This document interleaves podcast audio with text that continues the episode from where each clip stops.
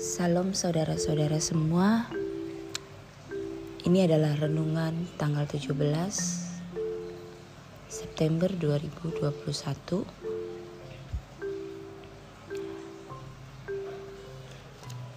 Dan pada renungan harian ini saya akan mengambil dari 1 Petrus 4 ayat 7 sampai 8.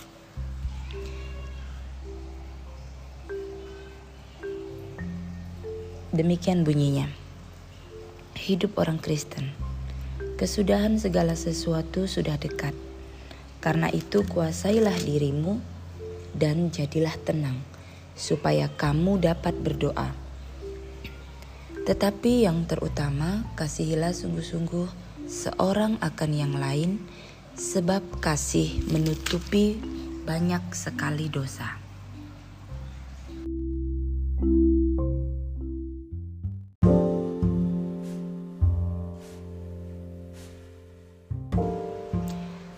Saudara-saudara yang kekasih, dari 1 Petrus 4 tentang hidup orang Kristen sebenarnya sudah sering kita dengar, sudah sering kita baca, tetapi kadang ada yang merema di di beberapa orang, ada yang hanya sambil lalu. Saya merasa di sini di 1 Petrus 4 ayat 7 itu merema bagi saya. Belum lagi ternyata uh, mama juga mengalami hal yang mengalami pengalaman yang sama seperti di 1 Petrus 4 ini. Jadi saya mencoba untuk membuat suatu renungan di, uh, mengenai 1 Petrus 4 ayat 7. Di 1 Petrus 4 ini ter terstate bahwa kesudahan segala sesuatu sudah dekat. Bahwa dunia kita ini sudah menjadi tua dan akhir dari dunia kita ini telah menjadi dekat. Karena itu, kuasailah dirimu.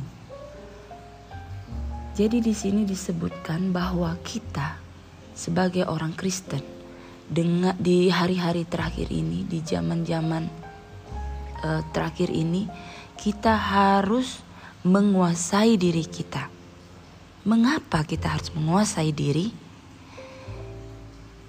Ternyata hal ini di, uh, di dalam Alkitab dikatakan semakin bumi kita menjadi tua dan hari-hari kesudahannya semakin dekat, maka kita harus menguasai diri. Karena akan ada banyak hal-hal yang tidak terduga, akan ada banyak hal-hal yang tidak kita pikirkan, tidak kita uh, nalarkan dan hal-hal yang pastinya akan mendadak di dalam kehidupan kita, kita tidak akan tahu persis, kita tidak bisa prediksi itu akan ada di dalam kehidupan kita. Oleh karena itu, maka kita harus bersiap-siap menghadapi hal-hal yang tidak terduga tersebut. Hal-hal yang tidak terduga bisa berasal dari luar dari hidup kita atau berasal dari dalam kita sendiri. Oleh karena itu, kita harus bersiap-siap sehingga kita mampu pada saat hal itu terjadi, kita menguasai diri kita. Sehingga pada saat hal itu terjadi, itu tidak akan mempengaruhi kita. Karena kita sudah terlebih dahulu menguasai diri. Ternyata jika kita menguasai diri, di sini disebutkan kuasai di, kuasailah dirimu dan jadilah tenang. Akhir setelah menguasai diri, maka kita akan menjadi tenang. Nah, jika kita tenang, maka kita bisa mendengar suara Tuhan. Bahkan suara Tuhan bisa mendengar pimpinan Tuhan dan suara-suara yang bukan dari Tuhan itu bisa kita tolak. Jika kita tenang, maka pikiran kita pun akan menjadi benar, pikiran kita pun akan menjadi sehat, pikiran kita akan menjadi jernih. Karena ketenangan ketenangan kita tersebut adalah kekuatan kita. Karena ketenangan kita itu, kita bisa mendengar suara Tuhan yang akan memimpin kita untuk menunjukkan kepada kita arah yang benar. Dan orang dewasa adalah orang yang bisa menguasai dirinya. Ternyata dari menguasai diri akan membuat kita menjadi tenang. Dan efek dari tenang itu di sini disebutkan supaya kamu dapat berdoa. Ternyata itu adalah rentetan suatu peristiwa dan itu tidak bisa dibolak-balik. Jadi kita harus menguasai diri terlebih dahulu, maka kita akan menjadi tenang. Setelah kita tenang, maka kita bisa berdoa. Jadi tidak bisa dibilang berdoa di depan, kuasai dirinya di belakang, atau dibolak-balik.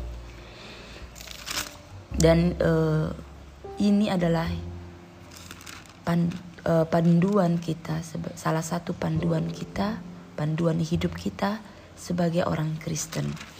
Dan selanjutnya disebut bahwa kasihilah sungguh-sungguh seorang akan yang lain, sebab kasih menutupi banyak sekali dosa. Jadi renungan hari ini menguatkan kita lagi, mengajarkan kita lagi agar kita menempa uh, hidup kita, menempa uh, jiwa uh, jiwa kita, hati kita agar kita bisa menguasai diri sehingga kelak pada saat ada sesuatu yang di luar dari yang kita perkirakan kita tetap diam, tetap tenang sehingga kita lebih bisa lagi berpikiran jernih dan bisa menuju kepada arah yang benar. Semoga hari kita ke depannya semakin lagi menjadi anak-anak Allah yang bisa hidup sesuai dengan yang Tuhan inginkan bagi kita. Terima kasih teman-teman semua. Salam sehat, tetap semangat. Shalom.